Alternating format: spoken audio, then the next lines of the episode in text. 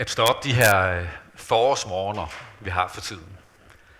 Med blå himmel, med solskin, skønhed, naturens stillhed og foråret, der langsomt nærmer sig.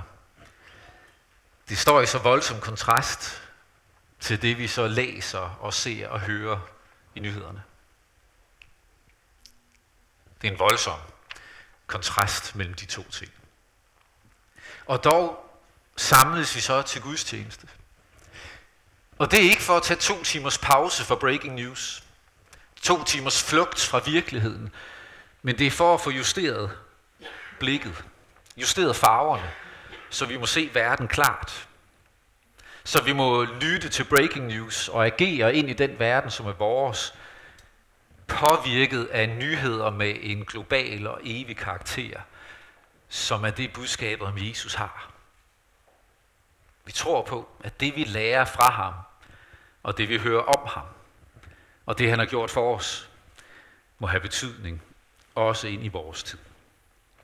Og i dag er det under en overskrift, der hedder, at tjeneste er lige med storhed. Vi forbinder så ofte storhed med magt og retten til at bestemme. Og Jesus vender det på hovedet og siger, at det handler om at tjene. Og det lyder så enkelt, men det er svært. Det falder os nogle gange svært. Vi skal ikke gøre det svært, for det er det jo egentlig ikke. Gennem vores øh, svigersøn har vi kommet til at høre lidt mere om, hvad en tjeneruddannelse går ud på. Jeg tror nok altid, jeg har tænkt, tjener, hvor svært kan det være? Altså, værsgo. Lad være at gå i vejen, lad være at hælde sovs ned ad nakken på folk. Hvor svært kan det være? Men der er åbenbart en del i det, at vi også får lov at opleve rigtig dygtige tjenere i aktion, hvor man siger, wow, det betyder noget. En dygtig tjener kan gøre en forskel. Jeg har aldrig prøvet at have en, en personlig tjener. Jeg tror også, det ville være akavet, men det skulle være en stor oplevelse. Sådan en, der virkelig bare sørger for dig en hel aften. Og sådan. Jeg ved ikke, vi har været tæt på, vil jeg sige, Maria og jeg. Vi, vi har to gange prøvet at være rigtig tæt på at have personlige tjener. Øh, begge gange på en bryllupsdag. Den første var i Aarhus, inden vi fik børn. Og øh, jeg havde bestilt bord. Jeg kan ikke huske, om det var kl. 17 eller 19. Det var i hvert fald ikke sådan det normale, sådan lige kl. 6. Det skulle passe med et eller andet, vi skulle bagefter. Og da vi så kommer hen på den her græske restaurant, så har der været lidt sprogforviklinger. Fordi han tror, jeg har bestilt bord til 17. Og ikke til klokken 17. så, øh, så der var et, et kæmpe bord til os. Men ingen sure miner, bare velkommen, sid ned, og så sendte han to ud på gaden for at gå ud med, kom og spis, kom og spis, vi har ledige pladser. Og den anden var første gang efter, vi flyttede til Randers. Vi tænkte, man kan godt gå ud og spise sådan en almindelig hverdagsaften, og vi havde bryllupsdag. Det kunne man også, restauranten var åben, men vi var så de eneste, der havde bestilt bord overhovedet i den restaurant. Og da tjeneren kommer ind med maden, så vender han om og råber ud, var det bord syv? Det var en fantastisk oplevelse. Det var virkelig en sød tjener, og der kom lidt flere hen ad vejen. En, en tjener betyder noget, om det er en, der tjener dig med ønsker om, at du skal have en god aften. En, der vil dig det godt. En, der vil bære maden frem på en måde, så det er rart at være der, eller det er en, der sådan, du føler dig lidt i vejen. Hvis ikke du er kommet, så gør jeg holde fri. Hvor er det irriterende, du er her. Så det handler i dag om at tjene og se storheden i det. Lad os bede sammen. Himmelske Far, vi takker for den her smukke morgen med sol og blå himmel og med foråret, der spiger frem omkring os. For glæden og livet og håbet, det varsler. Vi takker dig for, at du er den, som har friet os ud af mørkets magt og givet os plads i din elskede søns rige. Og Herre Jesus, bed for os og bed med os. Hold os fast ved dit ord. Også når vi bliver fristet til mismod, eller ulydighed, eller opgivenhed. Gud Helligånd, vær vort lys og vores kraft. Knus vores hovmod og lær os at tjene med udholdenhed og med mod. Far, Søn og Helligånd, vi priser dit navn nu og for evigt. Amen.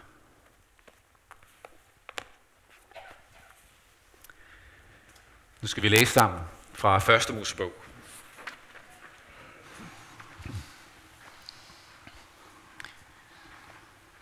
Og vi læser.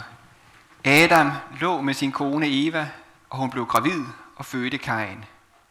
Hun sagde, jeg har skabt en mand ved Herrens hjælp. Dernæst fødte hun hans bror Abel.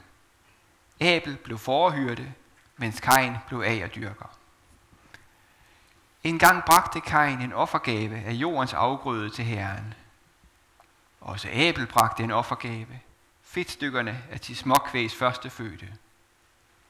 Herren tog imod Abels offergave, men Kains offergave tog han ikke imod. Så blev Kain meget vred og gik med sænket hoved. Herren sagde til Kain, Hvorfor er du vred, og hvorfor går du med sænket hoved? Hvis du gør det gode, kan du se frit op, men hvis du ikke gør det gode, lurer synden ved døren. Den vil begære dig, men du skal herske over den. Siden talte Kain til sin bror Abel, og da de en dag var ude i det fri, overfaldt Kain sin bror Abel og slog ham ihjel.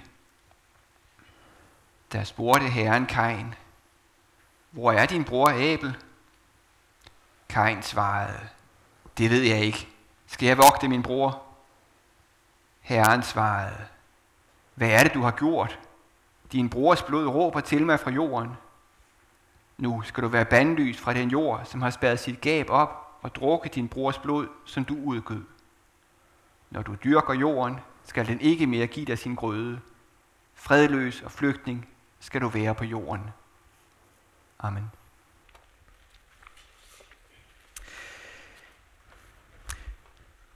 Der er få ting, der er så grimt at se på som misundelse. Bare tænk på dig selv, hvordan øh, du ser ud, når du bliver misundelig på en anden. Når irritationen over, at han har det nemmere, end jeg har det. At hun har mere, end jeg har. At han har større muskler, hun ser bedre ud, og de har et flottere hus, og en lækre bil, og en mere vellykket familie, og har det nemmere på studiet, og får bedre karakterer, og får mere i løn, og misundelse er ikke særlig kønt. Der er ikke nogen af os, som misundelse klæder. Det er det simpelthen ikke. Vi læste om øh, Kain og Abel, og hvordan den der forbitrethed, der ligger i misundelsens væsen, når man går og måler sig. Det her sideblik. Kirkegaard, han har sådan et fantastisk udtryk om det her sammenligningens sideblik, at man går og kigger sig til siden.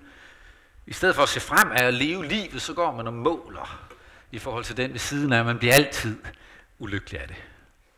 Misundelse er grimt. Kajen blev ramt så hårdt af det, at han ender med at slå sin bror ihjel. I misundelse og forbitrethed. Misundelse er en af de klassiske dødssynder. Og det er lidt, det er næsten øh, underholdende, synes jeg. Det, men det kan godt være, det er sådan en erhvervssygdom at blive underholdt af et ord som misundelse. Men det, det er værd at tænke om, misundelse er faktisk den eneste dødssynd, du ingenting får noget ud af. Altså alle de andre har der trods alt en sidegevinst. Altså frås, om det er da meget lækkert, så længe du har penge til det i hvert fald. Den dogne ender vel med at blive udsovet, men får der i hvert fald hvilet sig. Den vrede får afløb for det. Den nærige holder styr på sine penge. Den hårdmodige går og er vældig stolt af sig selv og synes, at alle andre er nogle idioter. Har det vældig godt med sig selv. Det er de andre, der er problemet jo. Den utugtige får stillet sin lyst. Og så er der den misundelige. Jo mere misundelig, jo værre er det jo. For jo mere irriterende er det, og jo mere sammenbidt og vred bliver du over det. Det er simpelthen den dummeste dødssynd at begive dig af med. Altså hvis endelig du vil dyrke en dødssynd, så tag en af de andre. Misundelse, der er simpelthen ingen bonus i den overhovedet. Og alligevel falder vi i den, fordi vi går og måler og kigger og gid jeg var som. Gjorde det også. Og blev grebet af den her diskussion, faldt i den flere gange. Hvem er den vigtigste disciple? Hvem skal anses for den vigtigste? Og det der lille ord, hvem der skal regnes for eller anses for, viser jo netop, hvad det handler om.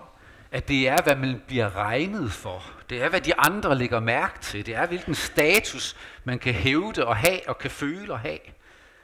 Der er hele tiden det der regnestykke i gang, som er så tæt forbundet med misundelsen. Nu skal vi læse om, hvordan Jesus taler ind i den situation. Det skal torsdag aften. Aften før han stod. Han har vasket disciplenes fødder, fordi det var der ingen af disciplen, der ville ydmyge sig til at tage den tjeneropgave på sig. Så det gjorde han. Så har han delt brød og vin ud til dem og indstiftet nadveren. Og så har han givet aftens øh, virkelig chokerende nyhed. En af jer vil forråde mig. Og de diskuterer, hvem det dog kan være. Og det kan de ikke helt blive enige om. Og så begynder de i stedet for at tale om, hvem er den, der så er den vigtigste. Og det skal vi læse om nu, hvordan Jesus svarer på. I må gerne rejse jer. Og det er evangelisten Lukas, der skriver. Apostlene kom også i tvivl om, hvem af dem, der skulle regnes for den største. Der sagde han til dem, Folkenes konger hersker over dem, og de, som udøver magt over dem, lader sig kalde velgørere. Sådan skal I ikke være. Men den ældste blandt jer skal være som den yngste, og lederen som den, der tjener. For hvem er størst? Den, der sidder til bords, eller den, der tjener? Er det ikke den, der sidder til bords? Men jeg er iblandt jer som den, der tjener. Jeg er det, der er blevet hos mig under mine prøvelser. Og ligesom min far har overdraget mig riget, overdrager jeg det til jer, for at I skal spise og drikke ved mit bord i mit rige, og I skal sidde på troner og dømme Israels tolv stammer. Simon, Simon, Satan gjorde krav på jer, for at sigte jer som hvide. Men jeg bad for dig, for at din tro ikke skal svigte. Og når du engang vender om, så styrk dine brødre. Amen.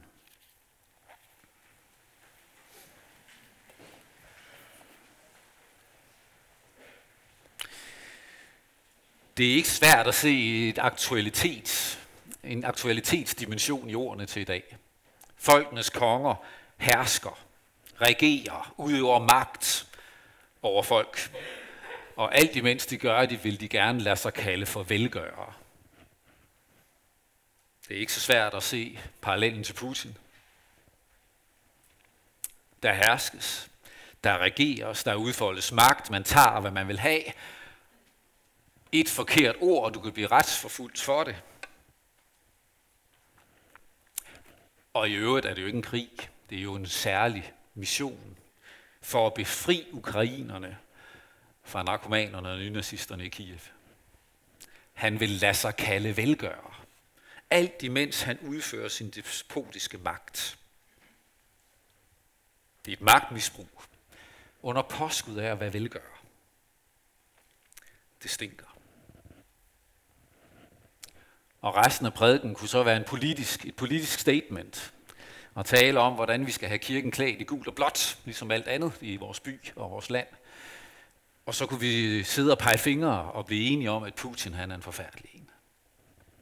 Det ville være sådan en farisæisk hovmod af bedste skuffe. Kære Gud, vi takker dig for, at vi ikke er som ham. Og det er helt sikkert ikke det, Jesus var ude på.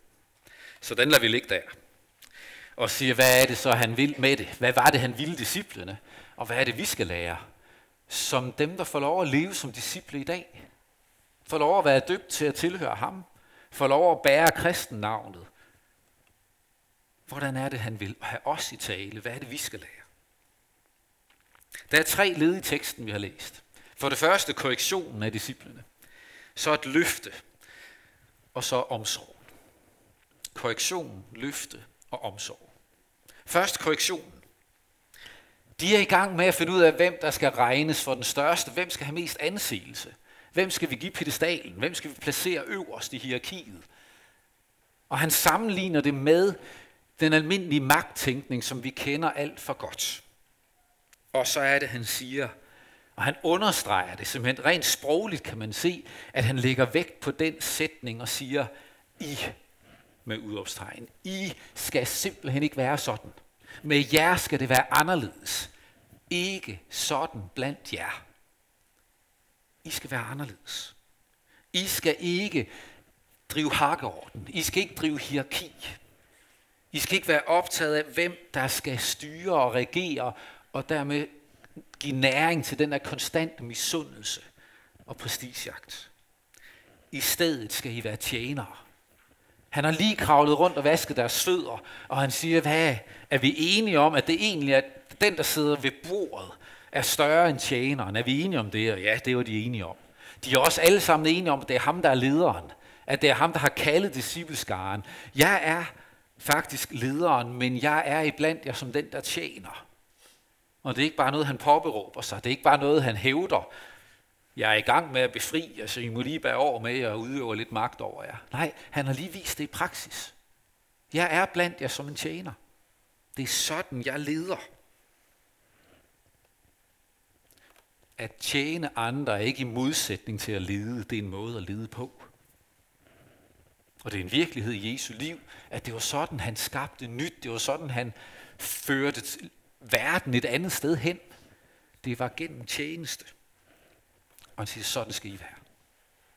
Han korrigerer deres magttænkning og siger, sand storhed er ikke at have position. Sand storhed er at tjene andre. Så omsorgen. Eller nej, først løftet, undskyld. Først løftet. Han siger, det er jer, der er blevet hos mig gennem en svær tid. Og det sværeste venter jo faktisk stadigvæk forud. Men I er dem, der er blevet hos mig, og I skal vide, I har plads hos mig i mit rige. I skal sidde med ved mit bord. I hører til hos mig, og det bliver ved.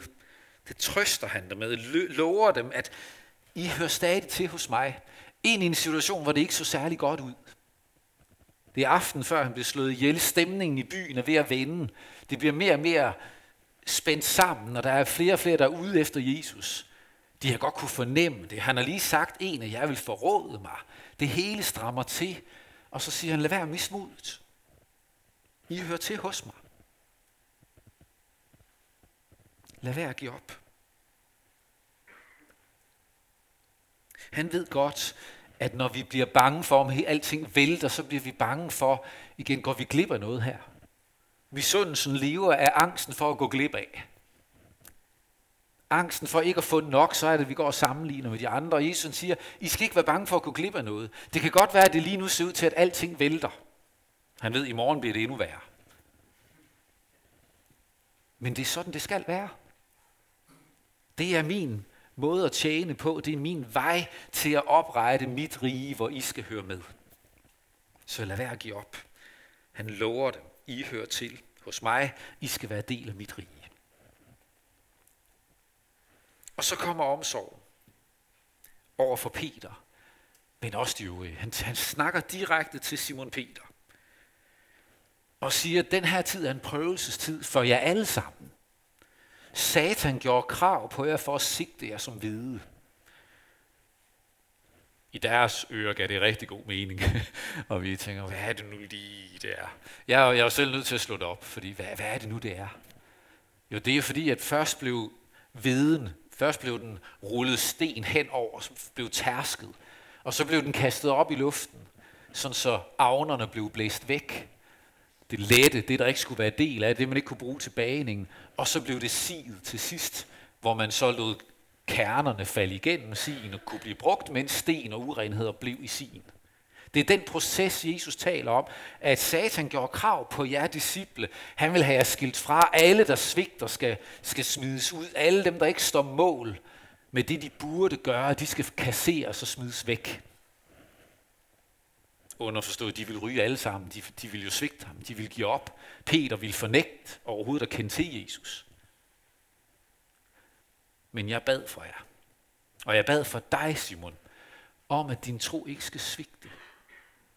Jeg bad for dig, Simon, om at du ikke må miste troen, selv når du svigter. Selv når du falder. Selv når du fornægter. Jesus taler ud, i sin, ud af sin viden om, hvad der skal ske. Sin bevidsthed om det svigt, der venter forud. Og så trøster han og har omsorg for den. Og siger til Peter indirekte, når du svigter, når du falder, så har jeg bedt om, at din tro ikke må blive udslukket fuldstændig. Men at du må blive bevaret. Og når du så vender om, vender tilbage til mig, så brug dine kræfter på at styrke de andre. Fordi de får brug for dig. De får brug for en, der vil bruge sine kræfter på at opmuntre og styrke de andre. Det var ordene til dem, og vi kan roligt bare spejle os i det og sige, det bliver et kald til os om ikke at leve et liv, der er drevet af at ville være store. Opnå anseelse. Nå i overskrifterne. Blive de bemærkelsesværdige, de store, de kendte. Det er ellers rart nok at blive, og det er der meget fokus på. Hvor mange følgere har I? Hvor mange kommer der i jeres kirke? Hvor mange går op i, hvad du går op i? Hvor, hvor, vi vil gerne være bemærkelsesværdige. Jesus siger, det vigtige er ikke, hvad I bliver anset for. Det vigtige er, hvad I gør med den magt, I har. Det vigtige er, hvad du gør med de ressourcer, du har. Bruger du det til at tjene eller til at regere? Bruger du det til at opstø, støtte op om din egen magt, eller bruger du det til at være til gavn og velsignelse for andre? Styrk mennesker omkring dig. Styrk dine brødre. Vær en tjener, ikke for at blive stor, men fordi det er stort i sig selv. Så vær en tjener. Om du er chef eller kassedame. Om du er pensionist eller skoleelev. Om du er ung eller gammel, mand eller kvinde. Vær en tjener. Se, hvad dem omkring dig har brug for og være til hjælp. Ha' åbne øjne for, hvad andre lider med, og spørg, kan jeg støtte? Kan jeg opmuntre? Kan jeg hjælpe? Kan jeg være der? Vær en tjener. Styrk livet for andre. Jeg synes, at jo ældre jeg bliver, jo mere ser jeg sandheden i det, Jesus siger her. At jo, vi vil så gerne lykkes. Men der er faktisk ikke en større lykke, end at se dem, der følger efter mig, lykkes. Det er det skønneste i livet. Det er at se, når som far, se sine børn lykkes med et eller andet. Vokse i noget, slå rødder i noget sundt og godt. Det at se sine børn trives er fantastisk. Som mentor, og se en, man er mentor for, faktisk undgå nogle af de faldgrupper, jeg selv har rodet rundt ned i. At det, jeg har lært af livet, må få lov at være til velsignelse og glæde for en anden. Se vores unge her i kirken. Ønsket om at se dem få lov at leve et liv, der er tydeligere præget af Jesus. Overgivet til ham og vendt udad mod mennesker omkring dem i tjeneste og liv og taknemmelighed for livet tjenestvillighed. Der er intet større end at se dem, der følger efter, træde op på vores skuldre og stå der. Få lov at give noget godt videre. Og det er tjeneste. Det er det, han kalder os til. Vær glad, når du bliver overhalet af næste generation. Det er fantastisk. Tænk, at de gør det. Tænk, at de vil. Når man siger overhaler mennesker, det er skønt. Jeg snakkede med en, for nylig. har en god ven, som er mentor for en, et yngre menneske, som han har set komme til tro. Og så kom han og sagde, ved du hvad, Peter, det er helt vildt. Ham der, som jeg så ham komme til tro for så så mange år siden i, i Kristelig Forbund for Studerende. Jeg så ham komme til tro. Og nu er han bare meget klogere end mig. Han er meget dygtigere end mig. Han er en bedre forkynder end mig. Han er, han er mere skarpsindig. Han er en dygtigere teolog end mig. Jeg er stolt af ham. Han kunne også valgt at sige, at han er, det er simpelthen irriterende. Det er som om, at han viser slet ikke respekt for mig.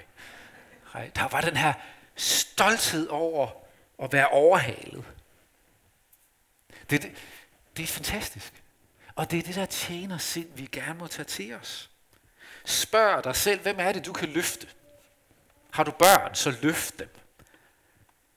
Lad være at reagere over dem alt imens du insisterer på at blive kaldt deres velgører. Du skal bare vide, at jeg betaler for dig. Nej, men løft, led, elsk. Har du kolleger, klassekammerater, så vær med til at løfte. Vær med til at opmuntre. Vær med til at se hinanden. Lad være med at, lad være med at skubbe ud, men fagne sammen. Der hvor du er, kan du være en tjener. Du må også gerne gøre det ved at sende penge til Ukraine og nødhjælpsorganisationer og medicin til børn. Det er simpelthen også en god idé.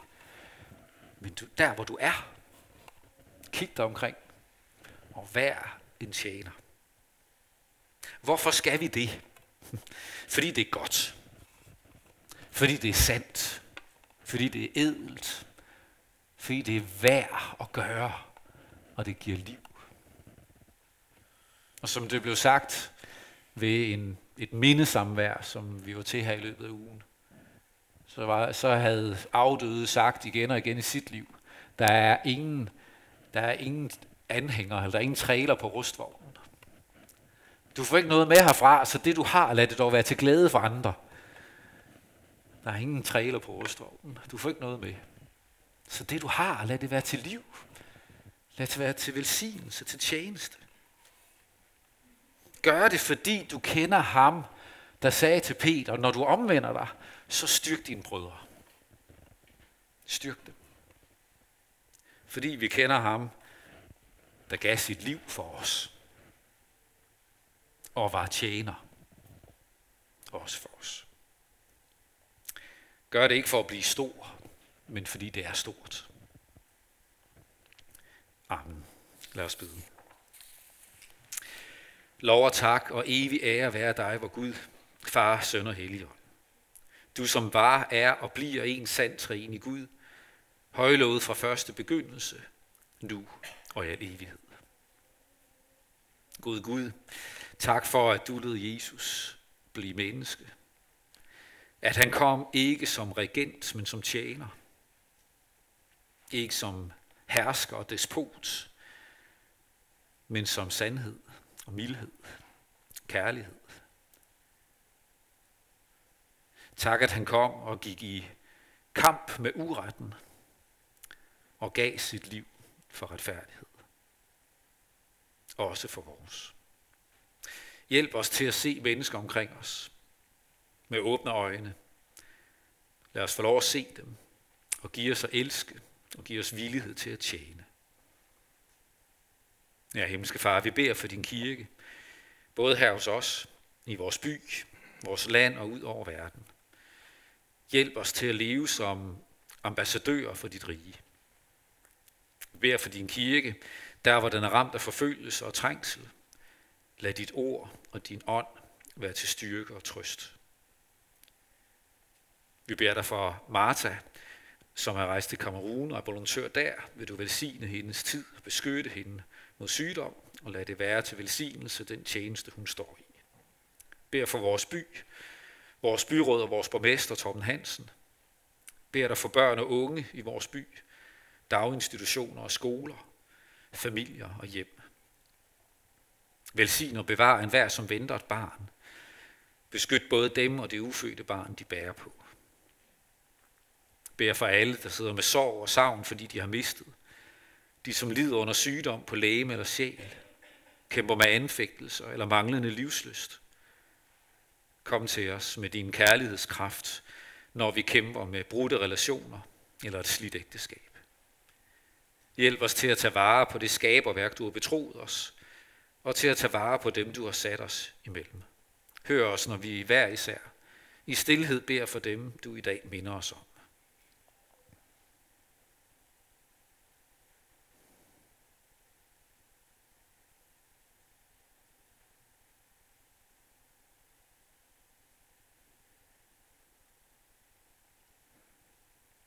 Og kære Gud, i skyggen af krigen i Ukraine beder vi for de mange, som har mistet. De, som er fanget i krigen, og dem, som er på flugt. Du er den, som kan lede og bøje menneskers hjerter. Og vi beder dig, hjælp og styrk enhver, der har ansvar for fredens sag i verden. Tag nationernes ledere i din almægtige hånd. Vend deres hjerte til dig Giv dem kraft i striden mod alt, som vil forføre os til det, som er ondt. Giv fred, og hjælp din kirke til at fremme freden mellem folkene. Beskyt vort folk og vores hjem mod krig og splid. Hjælp os til at tjene dig med troskab og sammen med alle jordens folk at stå fast i striden mod det onde. Vi beder dig for dit folk og din kirke på begge sider af krigen. Beder dig for russere såvel som ukrainere. Herre, se i noget til alle lidende. Det beder vi ved din elskede søn, vor Herre Jesus Kristus. Amen.